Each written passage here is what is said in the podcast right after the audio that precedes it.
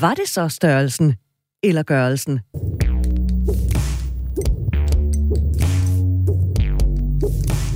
Du har svaret. Øh, ja, lærte. okay, Så er vi i gang. Så er vi i gang. Det har jeg så åbenbart. Altså, jeg kan sige, på programmet, som vi lavede med Tony Bundlykke Hertz, der nåede vi frem til, at det var faktisk gørelsen. Det var det, der var det vigtigste. Men jeg tog mig så friheden til at smide en lille spørgerunde på Insta, hvor du kan følge os på hashtag vi har lyst, og spurgte dem, der følger os der. 362 svarede. 61 sagde, ja, størrelsen er vigtig for mig, og kun 39 sagde, nej, størrelsen er ikke vigtig.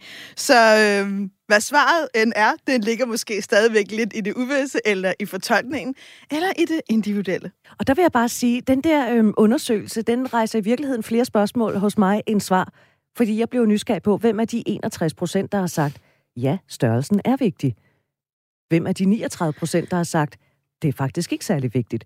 Det får vi ikke svar på, og den må vi bare lade stå hen i det uvisse, men det er ret interessant. Jeg øh, fik en besked på Instagram Ja. fra en mand, der skrev, gørelsen, det gælder i øvrigt alle kønsdele. Sådan. Det vil jeg gerne skrive under på. Øh, og det er jo et eller andet sted også, det vi prøver på at opfordre til, det er at sige, hvis du nu ikke har den størrelse, du drømmer om, så husk, at du fysisk og mentalt kan tilfredsstille din partner på mange andre måder, og lige så godt, selvom du er mindre. Så i virkeligheden, hvis man har lyttet til programmet, kan man arbejde lidt videre med, hvordan kan jeg visuelt fremstille mig selv bedre, hvordan kan jeg stimulere min partner mere mentalt, hvordan kan jeg bruge fantasierne om, hvad det end er, de mærker til i virkeligheden at give mere.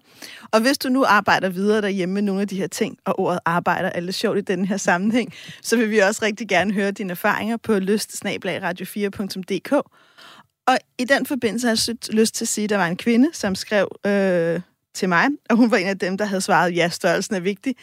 Og hun skrev, at den var vigtig for hende, fordi at for hende var dyb penetration meget vigtigt at få det, man kan kalde en cervixorgasme, altså eller A-punktsorgasme, som er orgasmen sådan helt oppe ved livmoderhalsen. Øh, og der vil jeg jo så sige, ja, og hvis man nu godt kan lide den form for dyb penetration, så er det jo heller ingen skam at bruge et hjælpemiddel. Det er et lille tip til dagen og vejen. Men derudover, nu handlede vores udsendelse jo, fordi der, det, det baserede sig på henvendelser fra mænd, mænd, mænd, der spurgte, hvor vigtigt er det for kvinder med størrelsen på, på penis? Men der er jo også noget med kvinder. Altså, vi kan jo også have nogle øh, idéer om, hvor store eller små vores bryster skal være, øh, hvor stramme eller ikke stramme skal vi være sådan rent vaginalt. Ja. Og i virkeligheden, så kan vi jo alle sammen lære den udsendelse, at det handler om gørelsen. Præcis. Og det handler meget om kontakten, og ja. det handler meget om, hvordan du... net- Altså, hvis du som en, en øh, mand sagde til mig på et tidspunkt, en af mine klienter, han sagde, hvis jeg er sammen med en kvinde, og hun er ekstremt passiv, så er det ikke særlig vigtigt for mig, hvordan hendes køn egentlig er, hvor stramt, eller det ene eller det andet. Fordi så føler jeg mig ikke velkommen, og så bliver der aldrig særlig god sex. Så føler jeg, at det er mig, der skal levere god sex. Hvorimod, hvis en kvinde er meget deltagende i den sex, vi har, så tænker jeg meget mindre over, hvordan hun ser ud. Og det synes jeg faktisk er en meget god pointe, som jeg tror gælder for mange, hvis vi føler, at den vi er sammen med er engageret i det, vi laver, uanset om det er sex, eller at have en samtale, eller handle ind i den lokale øh, superbrus, så, så har vi jo en helt anden oplevelse, end hvis man ligesom er sammen med en, der er passiv. Det synes jeg faktisk er en rigtig god pointe. Og må jeg lige vende tilbage til en, der skrev til mig på, øh, på Instagram, i forlængelse af den her udsendelse, der handlede om, at det størrelsen er gørelsen. Han skrev, jeg har overvejet at lave en træningsskole til mine medmænd, der tvivler så meget. Også på, hvad søren de egentlig skal stille op med bryster, det vaginale område, øreflipper, halse, nussen på hår, mave, arme, lår osv.